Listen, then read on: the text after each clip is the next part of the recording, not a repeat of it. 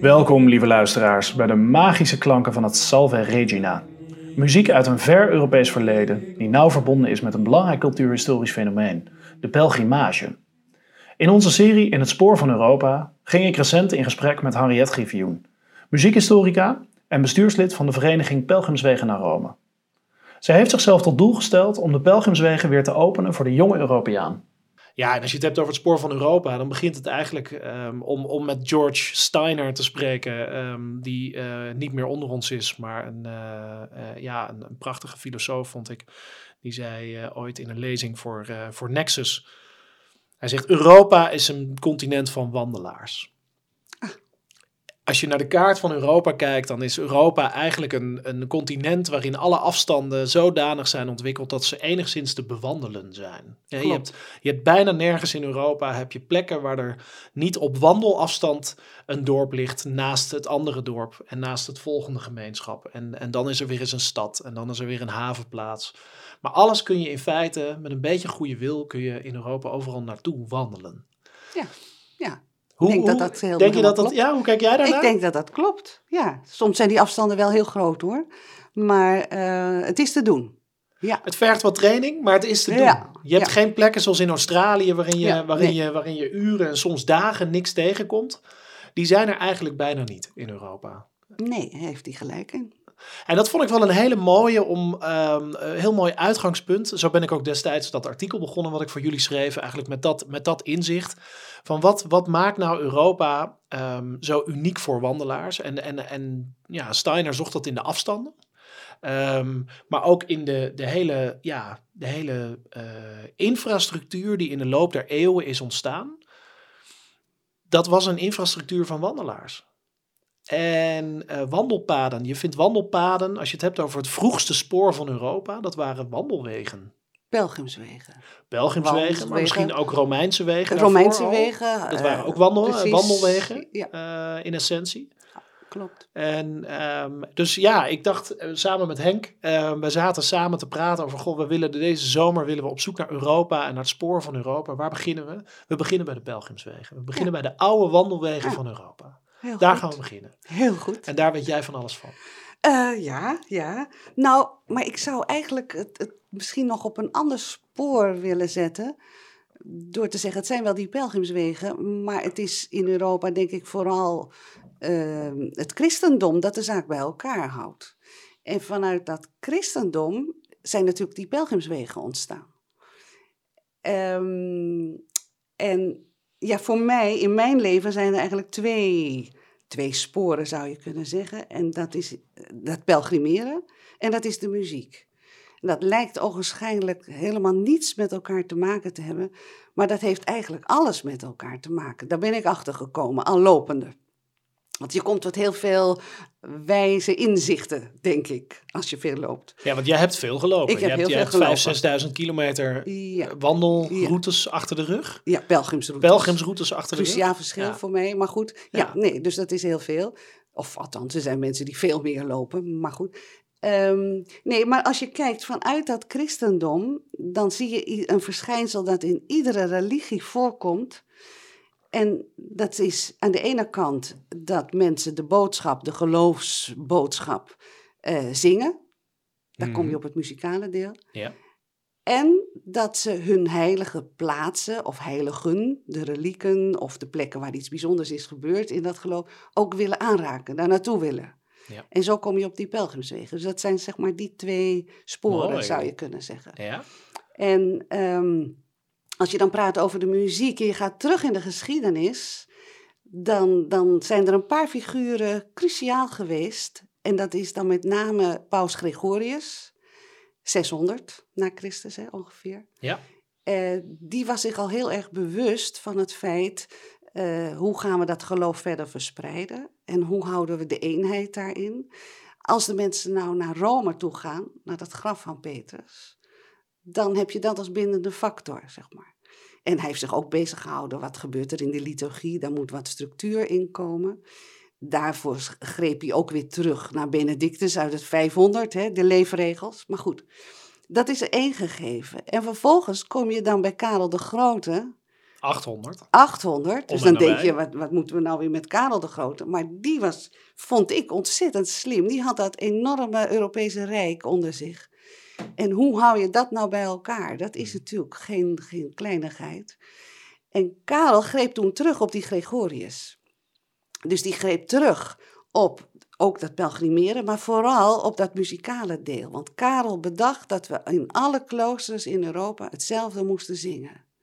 Ah, Dus dan kom je heel ver van huis en dan kom je ergens en denk je, hé, hey, maar dat, dat herken ik. Je Ja. kunt zo meezingen. Dat voelt als thuis. Ja, En toen heeft Karel bedacht dat Gregorius al die gezangen van God zelf zo had doorgefluisterd gekregen. kijk eens aan. Flauwekul. Is een legende. Maar wel een uit. mooie. Wel een hele mooie. En een hele verbindende legende. En een verbindende legende. Ja, dus je ja. ziet die Gregorius ook altijd met, met een duif afgebeeld als de Heilige Geest, die dan al die gezangen heeft ingefluisterd. Ja, mooi. Vandaar dat we ook praten over het Gregoriaans. Ja, En eh, die gezangen, die moesten dus overal gelijk worden. Nou, dat is natuurlijk ook niet makkelijk. Want hoe weet je nou wat, wat het andere klooster voor gezangen heeft? ja. Dus dan voel je de behoefte komen om het op te schrijven. Maar er was natuurlijk nog helemaal geen muzieknotatie. En dan gaan ze in die kloosters dat opschrijven. Ieder klooster op zijn eigen manier. ja. En dan ontstaat uiteindelijk een notatie. Kijk, muzieknotatie is een grafische notatie. Hè? Die bolletjes gaan omhoog en dan gaat de melodie ook omhoog. Ja. Dus dat is eigenlijk heel simpel. En eh, uiteindelijk ontwikkelt zich daar dan een soort algemene notatie uit. Dat duurt natuurlijk ook een paar eeuwen, hè, dat begrijp je. En, en iedereen bemoeit zich daar ook mee. En uiteindelijk is het dan Guido van Arezzo, de Italiaan, die dan bedenkt... als we nou een lijntje trekken tussen al die kriebeltjes... dan heb je een beetje houvast. Nou, uiteindelijk komen daar wat meer lijnen. Maar goed, het feit blijft dat je dan in Euro- Europa een, een muziek creëert... die opgeschreven wordt. Ja, dus je zegt eigenlijk, als we, als we even teruggaan, hè, want we begonnen met George Steiner, die zegt dat Europa is een continent van wandelaars geweest, altijd. En ehm, eh, eh, ja, waar, waar jouw, jouw passie begint eigenlijk, begint bij de, de, de, pelgrimswegen en de muziek. Begint bij het, hè, de, de basis, ehm, eh, die hun basis vinden in het christendom. Ehm, eh, maar goed, er was nog een heel Europa voor het christendom. Dat was dat Romeinse Europa. Hè? Dat, dat, en, maar ook dat was al een, een continent van wandelaars. In die zin dat alle afstanden te voet werden afgelegd. eh, door, althans door de verreweg de meeste mensen. Sommigen hadden een paard. Ehm, maar ehm, is het, ja, misschien is het ook wel zo dat juist het gegeven dat die, eh, die, die, die, de, de afstanden in Europa zodanig zijn dat je ze kunt belopen ehm, met een beetje goede wil, maakt ook dat die wegen konden ontstaan. En dat die wegen zijn ingesleten in onze geschiedenis, eh, letterlijk en figuurlijk. Ja. En dat mensen ook ehm, eh, van de ene naar de andere plek konden komen. Dat mensen uit heel Europa naar Rome konden komen als ze met een beetje goede wil en doorzettingsvermogen. en- Heel veel. en heel veel geluk, eh, want dat was geen sinecure, daar Nee. gaan we het nog over hebben. Maar men kon het in principe lopen in Ja. een seizoen. In het lenteseizoen of het zomerseizoen. En, ehm, en dat maakte ook dat die, die, die cultuur van die, gemeenschappelijke, dat die gemeenschappelijke bestemming van dat heiligdom, van dat graf van Petrus, dat die ook kon ontstaan. Ehm, als we het over veel grotere afstanden hadden gehad, dan was dat misschien veel lastiger geweest om op die manier eh, die, Ja, maar je kunt het ook omkeren. Het is een beetje een kip en ei verhaal van wat was er nou eerder. Als je natuurlijk merkt dat mensen ergens naartoe willen, eh, dan is het interessant om aan die route een, een nederzetting te beginnen om die pelgrims op te vangen. Ja. Want dat is business. Ja, want laten we daar eens wat dieper op ingaan. We, hebben het, hè, we gaan even naar, naar het, het christelijke Europa, zal ik maar zeggen. De, de- in ieder geval van het Europa van eh, na de tijd dat het christendom zich hier als, als min of meer gemeenschappelijke religie begon te, eh, begon te vestigen. Dat is een heel proces geweest van eeuwen. Ehm, maar ja, gaandeweg ontstaat daar een, een pelgrimscultuur. Wanneer Ja. is dat eigenlijk voor het eerst voor jou ontstaan? Dat, er dus, dat, er dus, dat, dat je ziet in de geschiedenis dat er pelgrims, dat er mensen zijn die om wat voor reden dan ook naar bijvoorbeeld naar Rome gingen lopen. Ja, nou dat begon dus al voorzichtig door die Gregorius, hè, Ja. rond 600, maar dat is dan nog maar heel klein. En dan is er een belangrijk punt. In 813 wordt dat graf van Jacobus ontdekt. Dat is waar. In Galicië, Ja. Noord-Spanje. Ja, Althans, is het verhaal. Precies. Eh, het zijn natuurlijk allemaal mooie verhalen. Onze werkelijkheid bestaat bij de gratie van verhalen. En dan, dan wordt het interessant voor gelovigen om naar dat graf toe te gaan. Dus dan, dan zie je een heel netwerk van wegen ontstaan vanuit heel Europa naar dit graf van Jacobus, Santiago. Eh, want kijk, als je iemand aanbidt of iemand heilig verklaart, dan wil je daar heel dichtbij zijn. Ja, want wat maakt dat mensen daar fysiek naartoe willen? Wat, nou, wat- dat is een, denk ik een menselijke behoefte die we nog steeds kennen. Mensen gaan nog steeds naar het graf van Elvis of van, van Piaf of naar een Bach of van Chopin, noem maar op. En, en ik weet niet of je daar ooit geweest bent, maar als ik in Leipzig ben bij dat graf van Bach in die Thomaskirche, Ja. ja, dat doet iets met je. Ja, Dan ben je daar heel dichtbij. Ja. Dichterbij kun je niet bij iemand komen. Nee. En, en die Wat deed het met jou toen jij voor het eerst bij het graf van Jacobus Oh, tranen. Mooi. tranen, want, want het is een soort ontlading van die tocht die je achter de rug hebt, met soms ook wel ontbering, maar er is natuurlijk zoveel gebeurd dan. Ja. En dan opeens, dan ben je daar. En ja, dat is heel idioot, maar dan, dan kom je in die kathedraal. Iedereen heeft tranen, bij wijze van spreken. Het is Ja. echt, dat doet wel heel veel. met Want vanaf waar ben jij daar naartoe gelopen? Ik ben de eerste keer vanaf Le Puy-en-Velay in Frankrijk eh, gegaan.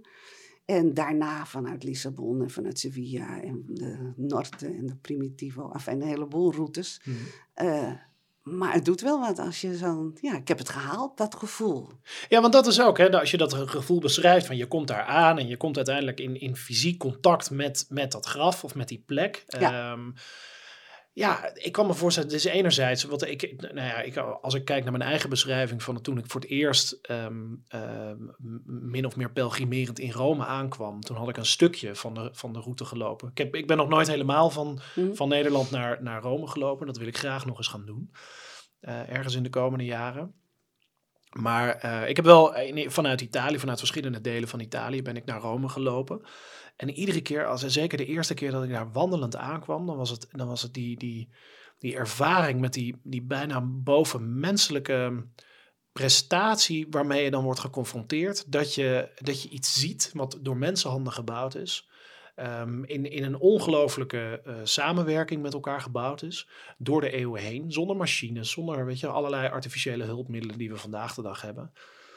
En dat, ja, als je het dan hebt over wat is nou een goddelijke ervaring. Voor mij was dat kwam dichtbij een goddelijke Ja, ervaring. ja. Dat je dat besef hebt van Jezus, dit, als wij willen als mens, dan kunnen wij dit met elkaar doen. Dan kunnen wij dit bouwen met elkaar. Wij hebben dit gecreëerd. Men, Ja. Wij mensen hebben dit gecreëerd. En Ja. wij stammen af van de mensen die dit gedaan hebben. Dat vind ik.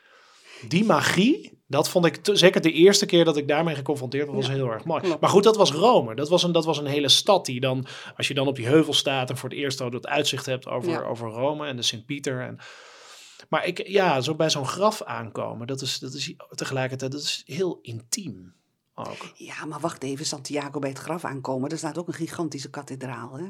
Nou ja, natuurlijk, bedoel, absoluut. eh, Maar goed, En, en dat, is, dat is ook heel indrukwekkend. Dus het is niet één graf waar je staat. Hoewel, toen ik daar de eerste keer aankwam in 2011, toen had ik eh, ja, ook gewoon het geluk dat ik daar een of andere priester tegenkwam die mij uitnodigde om mee te gaan naar de crypte waar die, die zilveren doos staat, waar dan de resten van eh, Jacobus in zouden moeten liggen. Het doet er niet toe of dat zo is, maar dan sta je daar heel diep onder die kathedraal eigenlijk een beetje. Ja, dat is, dat is, ja, onvergetelijk. Onvergetelijk. Dat Ja. mag nu niet meer, want heel kort daarna is eh, het belangrijke boek waar dit allemaal in beschreven staat, de Codex Calixtinus, is toen gestolen. En sindsdien zijn ze heel voorzichtig daarmee. want maar- waar is dat boek nu? Is dat teruggevonden? In die, in die kathedraal, dat heeft toen een werknemer meegenomen. Ah, oké. Ja, maar goed. Ehm, Maar dat is teruggevonden. dat, is terug, teruggevonden. Ja, oké. ja, dat is teruggevonden. Ja. Dat is eh, geschreven eh, in de begin van de middeleeuwen. Eh, of nee, niet het begin van de middeleeuwen, zo de, de 12e eeuw, 13e eeuw. Eh, en daarin, dat zijn een aantal boeken. En een van die boeken die beschrijft dus routes eh, van de pelgrim. En beschrijft ook het leven van de pelgrim in de verschillende landen. Dus dan zit je ook alweer in dat Europa-verhaal. Die verschillen tussen Frankrijk en Spanje enzovoort. En, eh, en dat is geschreven omdat het zo populair was om die pelgrimsroute te lopen. Ja. En dat versterkt het ook weer. Eh, dus het is een hele, nou, bijna industrie geworden. Duizenden, Ja, want zie- duizenden zie je daarin, je ziet, hè, er zijn vandaag de dag eh, ja, veel mensen die, als je tenminste, ehm, als ik het over pelgrimeren heb en over pelgrimsroutes, dan ja, maar sommige mensen begrijpen dat. en Die zijn er zelf ook enorm geïnteresseerd in. Ehm, en, die, en die hebben zelf ook daar ervaring mee met het bewandelen van, van eh, één of meerdere van die routes. Maar er zijn ook heel veel mensen die nog zeggen, joh, ik weet helemaal niet waar het over gaat. Of is dat niet iets van het verre verleden? Maar Ja. hoe, ehm, laten we, voordat we weer dat verleden induiken. Als we nou kijken naar het pelgrimeren van, van vandaag. Hoe ziet dat eruit als je op die weg loopt? Hoeveel mensen kom je daar? Is dat, je Oh, zegt dat het is een hele industrie. af. Het is een hele industrie Dat- geworden. maar je ziet er soms honderden mensen. Soms kom je tegen op je route gaandeweg. Het hangt er vanaf welke route je kiest. Hm. En eh, er is in, in Spanje de drukke route, de Camino Frances, relatief druk, eh, waar, waar, waar veel mensen lopen. Maar eh, ik, ik heb die, die Via de la Plata gedaan vanuit Sevilla. Nou, daar kom je bijna niemand tegen. De Noord is ook alweer veel stiller. Dus het hangt er heel erg van af welke route je kiest. Ja. Dan zie je ook dat je ander soort pelgrims tegenkomt. Omdat het wat meer afzien is dan, hè, want er is minder infrastructuur. Ja. Dus je kunt niet zeggen dat het overal druk is. Nee, absoluut niet. Maar goed, dat hele, die ontdekking weer opnieuw van die codex, waar dus de weg naar Santiago in beschreven is, en dat is een paardje midden 19e eeuw, heeft juist die gang naar Santiago in gang gezet. Ja. In de 19e eeuw is dat boek her, dat is verhaal is- herontdekt. Is, weer opnieuw ontdekt. ja, ja. En eh, dat is naar buiten gekomen. En zo heel voorzichtig gaat dat dan een eigen leven leiden. En wordt Santiago de pelgrimsplek. Ja. Tot de laatste decennia steeds meer mensen in Santiago het wel een beetje druk vinden. En ook het gevoel hebben van ja, maar er is nog meer behalve eh, Santiago. Er is ook Rome. Ja. En, en nu zie je eh, dat de weg naar Rome dus veel drukker gaat worden. Eigenlijk is, is Rome ja, een van de eerste pelgrims, een van de oudste Nou ja, pelgrimsplekken. ja, die is natuurlijk een hele belangrijke. Je, Ja. hebt, je hebt Santiago, Rome en, en Jeruzalem hè, als de drie belangrijke plekken. Ja. Ehm, en, en ja, zeker. Weet je, de, de route naar Rome is eigenlijk nog ouder, want die is ooit gelopen door een aartsbisschop uit Canterbury. Ja. En dan praat je uit 990. En die heeft opgeschreven zijn stopplaatsen. Die gaat van Canterbury, Dover, Frankrijk door, Zwitserland, zo naar, Ita- naar Rome. En dat is de Via Francigena. Eh, de weg van de Franken, zou je kunnen zeggen. Ja. En eh, die is de laatste decennia steeds populairder geworden. Ja, om, omdat het ten eerste prachtig is, maar omdat Rome natuurlijk ook heel belangrijk is. En waarom ging hij naar Rome toe? Hij eh, was bisschop in eh, Ca- Canterbury en eh, wilde zelf eh, naar de paus toe om het, moet ik het goed zeggen, het pallium op te halen. Eh, ja, ik ben ook niet zo religieus onderlegd daarin. Maar daarin, dat wilde hij persoonlijk doen. En Ja. dan ga je lopen.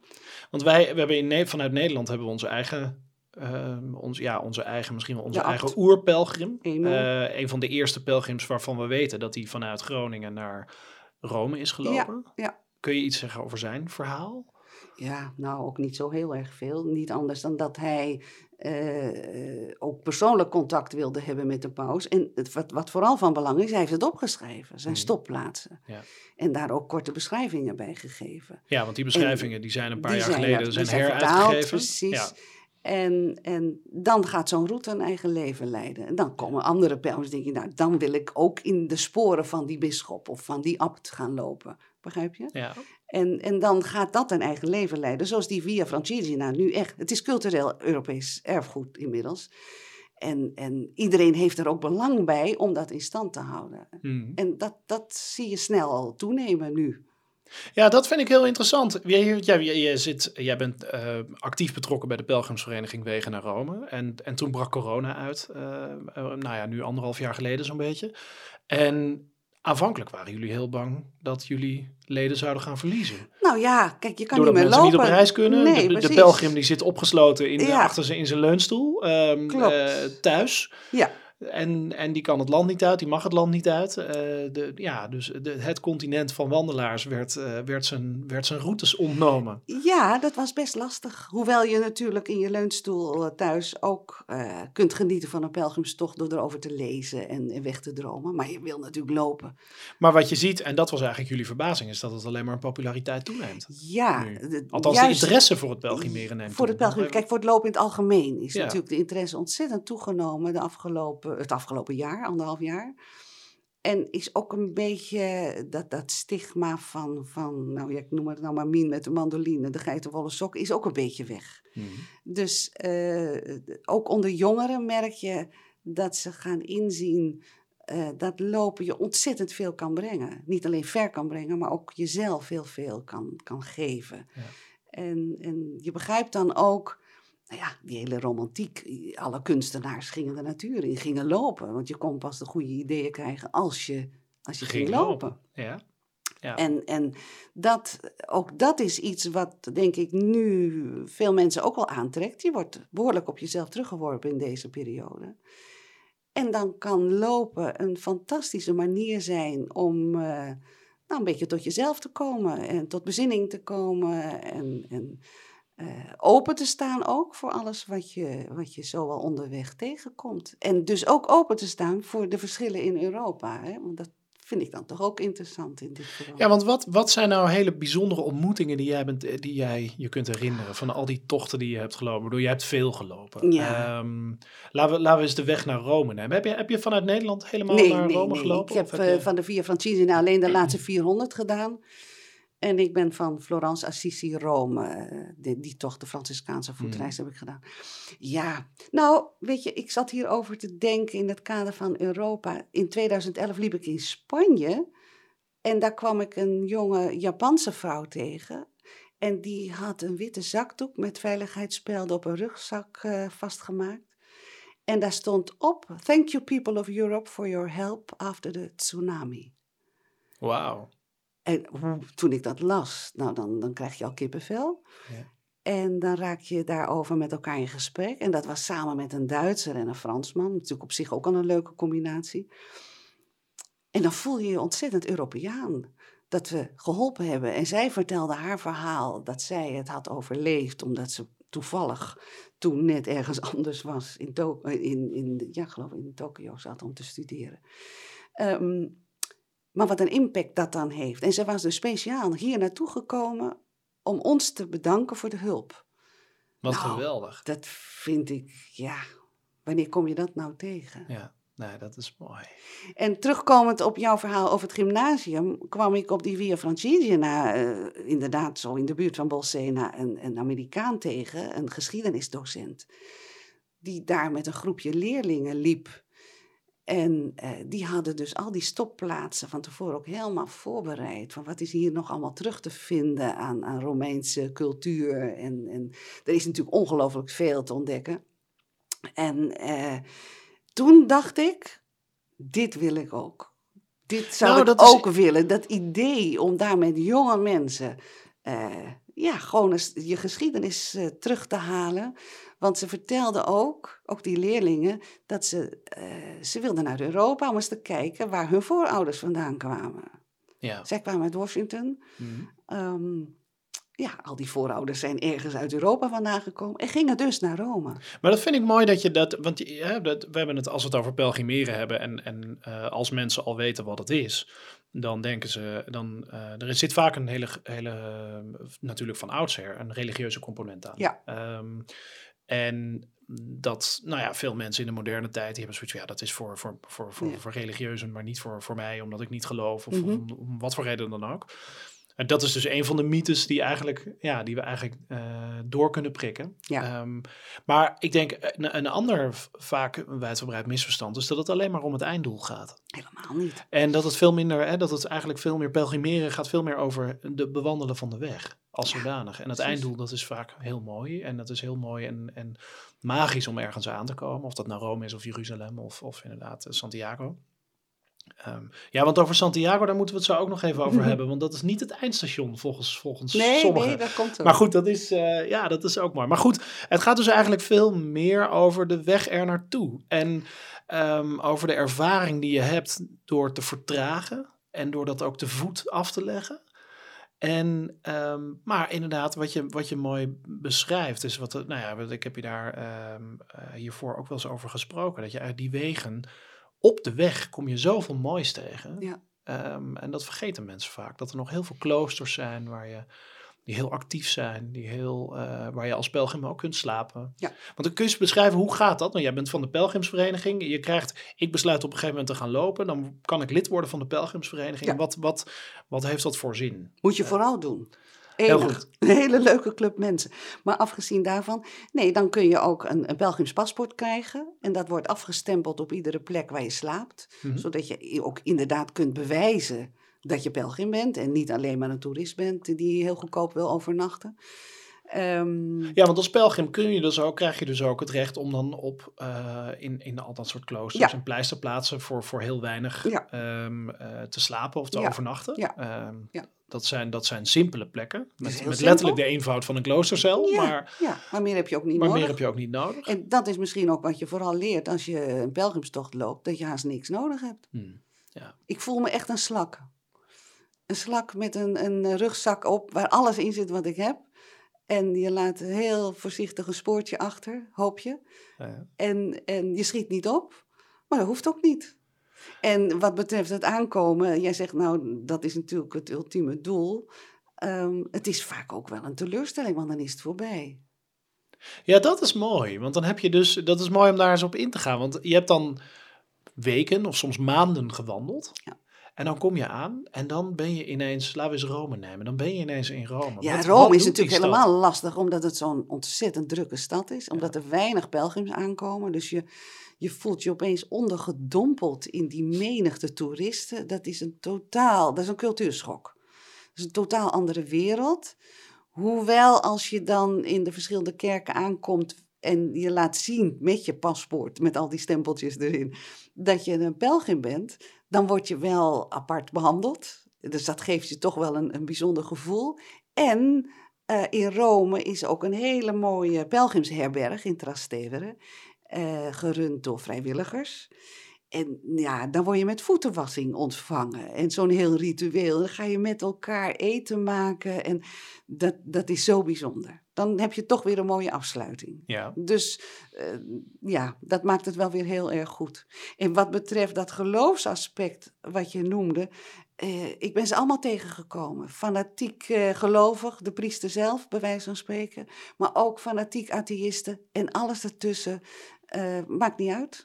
Dat Was hoeft dat- ook helemaal. Het is geen voorwaarde. Was dat die priester die je tegenkwam in Rome, die je vroeg van, goh, ehm, heb, je, heb je langzaam genoeg gelopen? Of zoiets dergelijks. Je raakte met iemand in, je vertelde mij een tijdje geleden een verhaal over een priester die je tegenkwam en die zei, joh, of, of, of- ik, weet niet of je je dat nog kunt herinneren. Ja, nou, dat was een ander verhaal. Ik ben ooit begonnen met lopen met de kinderen, wat ik iedereen aan kan raden overigens. Het is een fantastische ervaring om ze dat mee te geven. Maar goed, en toen, Hoe oud waren ze toen? toen, toen ik met ze begon, was de zoon tien en de dochter net veertien. Dat was heftig, maar heel, heel leerzaam. Goed voor de opvoeding. Had ik van tevoren niet zo bedacht, maar dat bleek het wel te zijn, denk ik. En toen zo'n 14 was, ben ik ook weer een keer met hem gegaan. Want we pakten steeds de draad op. Dat was toen nog in Frankrijk. Maar toen zat hij natuurlijk midden in zijn puberteit. Had ik me niet gerealiseerd. En eh, toen ben ik eh, met de auto gegaan. Ik moest natuurlijk steeds verder naar het zuiden van Frankrijk rijden. Dus twee dagen in de auto. Want je pakte de route dan steeds weer op steeds jaar later. Of, ja. Precies, ja. En eh, toen, aan het eind van de tweede dag, ging hij voor me op dat pad liggen en zei hij: Ik vind dit niet leuk meer. En dan duurt het een paar jaar voordat je weer Nou, zover toen krijgt. barst ik in tranen uit en ik had de hoop dat dat zou helpen en indruk zou maken, maar dat deed het absoluut niet. Toen sliepen we in een, eh, in een soort jeet eh, van, van privé mensen. Eh, en die zeiden, ja, als wij pelgrims ontvangen, dan vragen we morgenochtend of de pastoor komt om dan met de pelgrims de mis te doen in dat kleine kapelletje hier. Dus ik zei meteen, nou, dat is voor ons niet nodig, want ik zit met een jongen van 14, dat lijkt me geen succes. Ja, maar die komt toch? Enfin, ik heb eh, zo'n lief laten liggen en ik ben naar dat kapelletje gegaan om 7 uur s ochtends. En daar kwam frère Louis. Bloedmooie man ook nog eens een keer, maar goed, dat terzijde.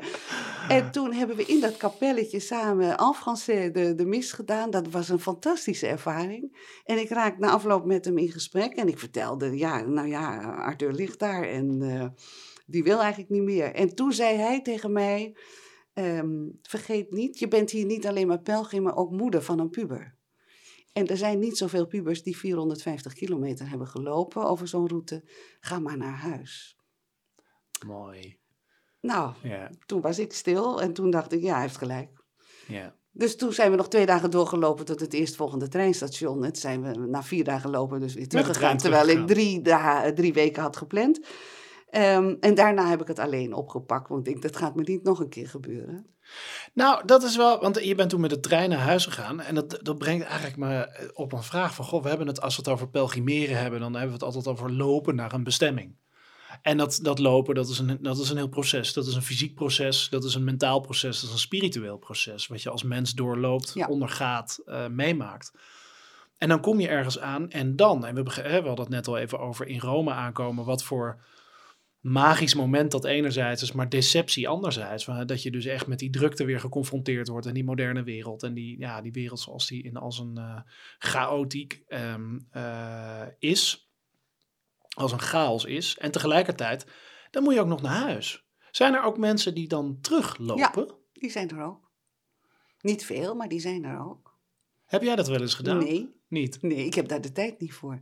Ehm, het lijkt me fantastisch om dat te doen. Om weer heel langzaam terug te komen in je eigen wereld. Eh, nee, ik ben eigenlijk altijd of met de bus, of met de auto, of met een vliegtuig weer teruggegaan. Want het moet een ervaring op zich zijn. Ja. Inderdaad, die, ook die, die wereld van dat einddoel waar je dan ook heen bent gelopen, om dat langzaam ook weer achter je te laten. Ja, dat wil zeggen, in Rome is dat zo. Want ja, daar ben ik teruggevlogen. Mhm. Eh, in Santiago heb je dan nog de mogelijkheid om door te lopen. Om af Ja, te want dat is wel, want volgens sommigen is Santiago van niet, niet Santiago de Compostela niet het einddoel van die, van die route. Nou ja, dan zit je bij dat graf van Jacobus. Maar dan kun je door naar het einde van de wereld, naar Ja. Finisterre. eh, of Fisterra in het Galicisch. Dat is, eh, ik geloof, iets van 90 kilometer of zo. Eh, ik geloof dat nog maar 10% van de pelgrims dat doet. Dus Mhm. dan heb je al een selectie. Ehm, en ik vond dat prachtig om langzamerhand zo dat land te zien ophouden. Want je loopt echt een soort landtong op Richting de oceaan. richting de oceaan. En, en dat, dat vond ik eigenlijk het mooiste. Dat vond ik eigenlijk het mooiste. En dan had ik ook het geluk dat ik via via hoorde dat er helemaal op de punt, vlak bij de vuurtoren, waar dus ook het dorpje Finisterre nog niet is, dat is nog weer drie kilometer daarachter, eh, dat daar een, een, een soort hotelletje was waar je kon slapen. En dat heb ik toen kunnen regelen. En dan s'nachts, ik heb geen oog dicht gedaan. Ik had een kamer met drie kanten ramen en alle kanten was het zee wat je zag. En dat licht van die, van die vuurtoren gaat daar dan overheen. Ja, fantastisch. Mooi. En die beukende golven. En dan kun je daar vandaan nog weer doorlopen, 90 kilometer. Want je, je krijgt er geen genoeg van natuurlijk. Naar Muxia. Sommige mensen zijn Sommige- blij dat ze er zijn. oh ja, maar- nee hoor. En naar Muxia. En Muxia, dat, dat vind ik eigenlijk nog de aller, allermooiste plek. Want dan kun je vlak bij het water komen van die oceaan. In Fisterra zit je heel hoog en dan beuken die golven zo, daar kun je niet bij komen.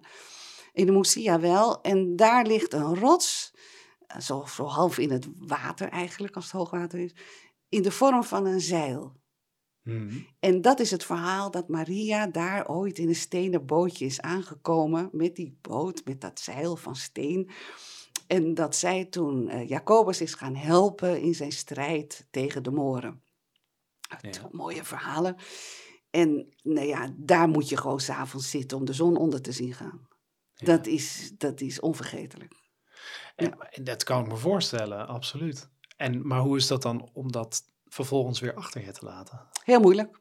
Ja, Ja, oh, ik ga vaak in tranen weer terug. dat begrijp ik. Ja, dat laat ik ook maar stromen. Nee, dat, dat is moeilijk. Dat is moeilijk, want dan moet je eerst weer terug naar Santiago. En dan moet je op de een of andere manier ook weer thuis zien te komen. En dan begint het gewone leven weer. Dat is ook wel een item waar we in die vereniging Pelgrimswegen naar Rome nu wat meer aandacht aan gaan besteden. Ik kan me bijna voorstellen dat Ja. je nazorg moet gaan leveren Nou, dat is moeilijk die om je gewone leven hebben. weer op te pakken. En, en weet je, het is ook heel moeilijk om aan mensen die het nooit gedaan hebben, je verhaal kwijt te kunnen.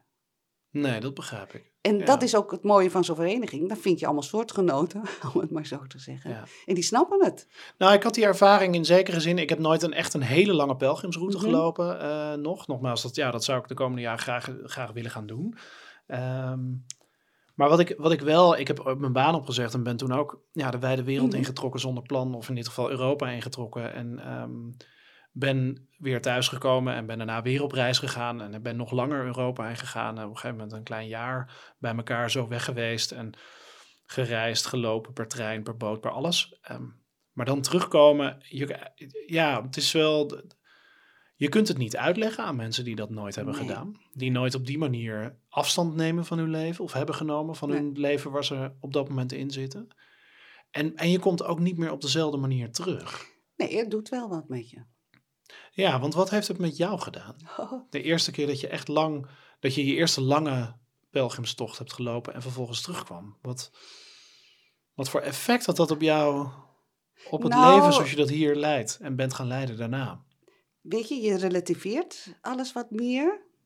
Dat is denk ik een belangrijk punt. En, en eh, nou, zoals het afgelopen anderhalf jaar met die coronapandemie, ehm, heb ik ook gemerkt dat je soepeler bent in het accepteren dat dingen anders gaan dan gepland. Want dat gebeurt onderweg natuurlijk voortdurend. Hè?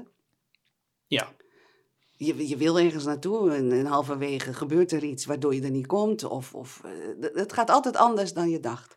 En daar word je eh, steeds handiger in om dat te accepteren. Ehm, het heeft mij ook heel veel gebracht in de zin van, van ehm, begrip voor al die verschillende culturen die we hebben in Europa. Hoe, hoe fascinerend dat eigenlijk is. Want dat, dat leer je denk ik veel meer kennen als je er doorheen loopt. Of fietst, daar moet ik ook bij zeggen. Ik heb nooit fietsend gedaan, maar de fietsers hebben natuurlijk ook zo hun ervaringen hè, daarin. Ehm, maar dat je, dat je een land leert kennen op een manier, ja, totaal anders dan je ooit voor die tijd hebt gedaan. Verdieping. En eh, ja, ja, voor mij is dan de muziek ook weer de uitlaatklep. Maar goed, dat is heel persoonlijk natuurlijk. Hè? want jij organiseert ook muziekreizen. Eh, eh, ik bedenk ze en ik begeleid ze en, en eh, ik, geef ook pianoles, dus ik ben veel met muziek bezig. En eh, ook daarin geeft het verdieping. Ja, Mooi. ja. Nou, en weet je, het zijn soms ook gesprekken met mensen die je onderweg hebt, die je niet had kunnen verzinnen. We hebben nog heel even, kan ik net vertellen.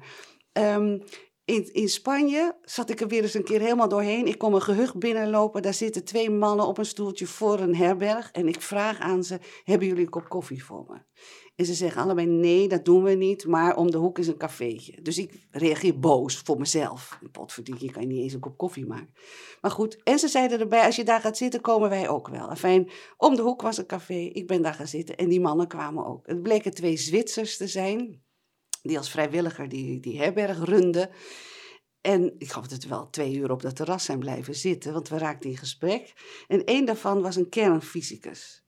En die vertelde zo over zijn werk en ik vond dat machtig interessant. En hij vroeg aan mij, wat doe jij dan? Nou ja, conservatorium gedaan, muziekwetenschap. En nou ja, wat houdt muziekwetenschap in? Nou, nou ja, dan leer je veel over, over de muziekgeschiedenis, maar ook bijvoorbeeld muziekfilosofie. Nou, daar sloeg hij op aan. Wat houdt dat in? En ik vertelde hoe mijn eerste college muziekfilosofie ging toen die docent een stip op het bord zette en daarna ging kijken en aan ons vroeg, wat is dat? En wij keken elkaar, waar gaat dit over? Dat zijn jullie, zei hij, met de kennis die je nu hebt. Dat is nog maar heel beperkt.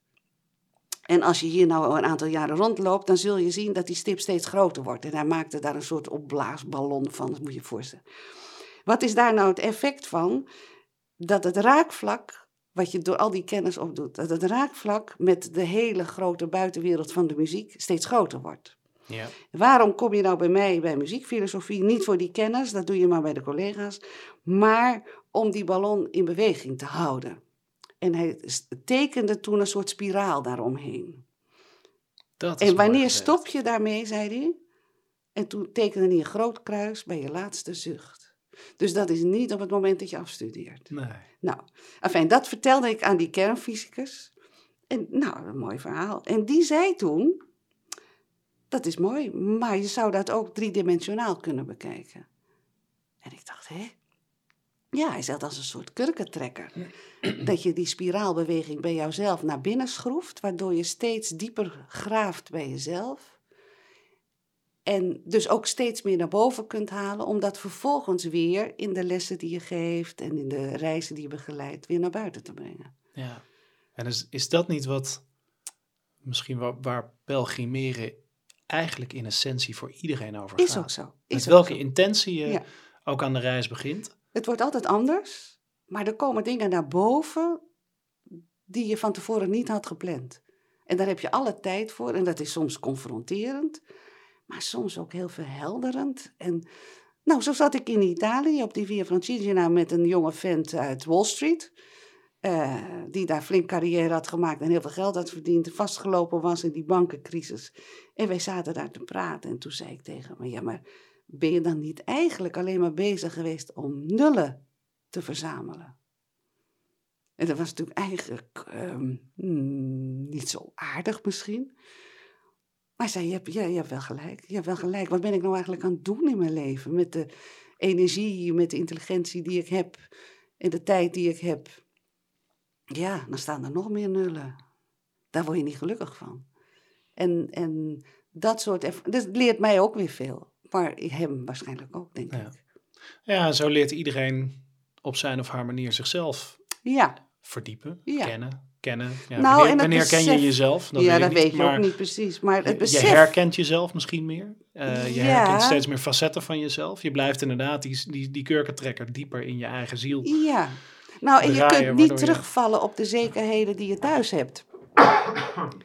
Van, van eh, de, de materiële dingen die je hebt, of de baan die je hebt, of noem maar op. Je loopt daar en je moet het gewoon op eigen kracht doen. Ja. En of je nou veel of weinig geld hebt, dat, dat is totaal onbelangrijk, want daar heb je niks aan ter plekke. Nee, alles moet komen uit je eigen energie. Ja. De energie die je, die je hebt, die je in je draagt, die je uitstraalt Ja. naar jezelf, naar andere mensen. Ja. En dat is iets, denk ik, wat heel veel ja, mensen in een samenleving, zeker als de onze, waarin alles ehm, rationeel, eh, ogenschijnlijk rationeel geregeld lijkt te zijn. En waar, ik denk dat dat in zo'n samenleving voor heel veel mensen heel lastig is om dat concept van die eigen energie eigenlijk in essentie te kennen, om daar eens mee te beginnen. En Ja. dat ook beter te, te voelen aan je, bij jezelf. Wat, wat Ja. is je energie en hoe kan ik ook die energie sturen? Dat, eh, Ja. En dat, ik denk dat dat een van de dingen is die je op zo'n reis, Ja, te voet, te fiets, maakt niet uit. confronterend soms, maar Ja. verrijkend zeker. En ik denk ook voor, dat is misschien weer terugkomend op dat gymnasiumplan, eh, voor jonge mensen eh, heel goed om, om daar tijd voor te nemen. Ja, Om eens te bedenken, wat ben ik nou aan het doen? we weten heel veel, we kunnen heel veel, Ja. maar wat willen we nou in essentie? Ja, ja. En wat heb ik nodig? En je merkt, dat zeggen ze ook altijd, alles wat je thuis laat is meegenomen. Maar dat is ook zo. Je Ja. hebt haast niks nodig. Nee. En het is zo relaxed. Je hoeft nooit te bedenken wat je aantrekt, want je hebt geen keus. Begrijp je? is dat niet waar vrijheid over gaat? Ja, is dat niet dat gevoel de van essentie van vrijheid vrijheid is? Is helemaal waar wat je zegt. Ja. Hoe meer je kunt loslaten, hoe vrijer je bent. ja. En daardoor sta je open voor gesprekken, voor natuurbeleving. Want laten we dat vooral niet vergeten. Is, is ongekend. Je Ja. komt natuurlijk op de meest prachtige plekjes. Soms ook helemaal niet. Dan baal je als je langs een drukke weg moet lopen. Nou ja, dat is dan zo. Dat hoort er soms ook bij. Dat is gelukkig niet zoveel. Waar gaat jouw volgende reis naartoe? Ah, ik wil de Via San Benedetto gaan lopen. En die loopt van waar naar waar? Die loopt van Norcia naar Monte Cassino, eh, in Italië dus. Mhm. Eh, maar ja, dat hangt er vanaf of ik er kan komen. Geen idee. Wat, wat is nou, wat, we hebben het over, ehm, eh, we zijn bij Europa begonnen als een continent van wandelaars. En eh, we hebben het heel veel, eh, jij, jouw, jouw passie gaat uit naar de pelgrimsroutes. Wat, wat is nou het essentiële verschil tussen een wandelaar en een pelgrim? Volgens jou. Dat een pelgrim inderdaad zich richt op die pelgrimsroutes, waarvan je weet dat daar duizenden mensen voor jou ook zijn gegaan. Dat je langs eh, historisch gezien belangrijke plekken komt. ehm, waar je deel bent misschien van die eh, traditie van pelgrimage. En als je een wandelroute kiest, dan kies je vooral een, een route die je qua natuurschoon heel mooi vindt, bijvoorbeeld. Ja, dus je zou kunnen zeggen misschien dat een wandelaar op een, andere, op een ander niveau contact maakt met, met zijn omgeving. Met de omgeving waar, zij, eh, waar, waar die doorheen wandelt. Het is misschien die En spirituele ook. ervaring, ja. een andere contact met zichzelf. Ja, en op pelgrimsroutes kom je dus inderdaad pelgrims tegen van over de hele wereld, van, van alle rangen, standen, leeftijden enzovoort. Ehm, eh, en, en die met eenzelfde soort intentie daar lopen. En Hmm. nogmaals, dat is dus niet per se eh, gerelateerd aan geloof. Hè? Het is geen voorwaarde, helemaal niet. Maar je, je, loopt wel in diezelfde traditie. En dat is toch iets anders dan een mooie wandelroute. Ja, mooi. Dankjewel.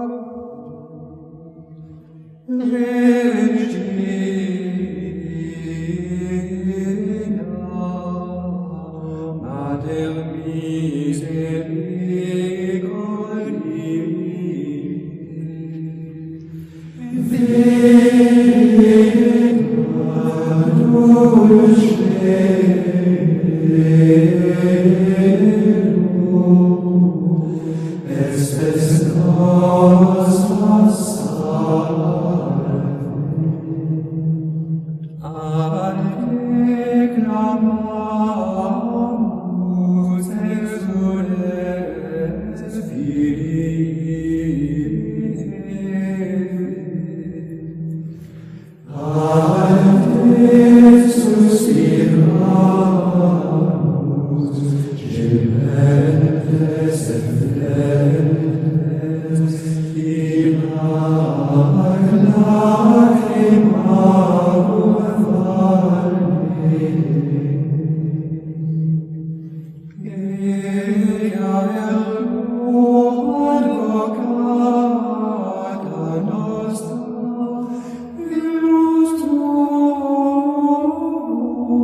misericors,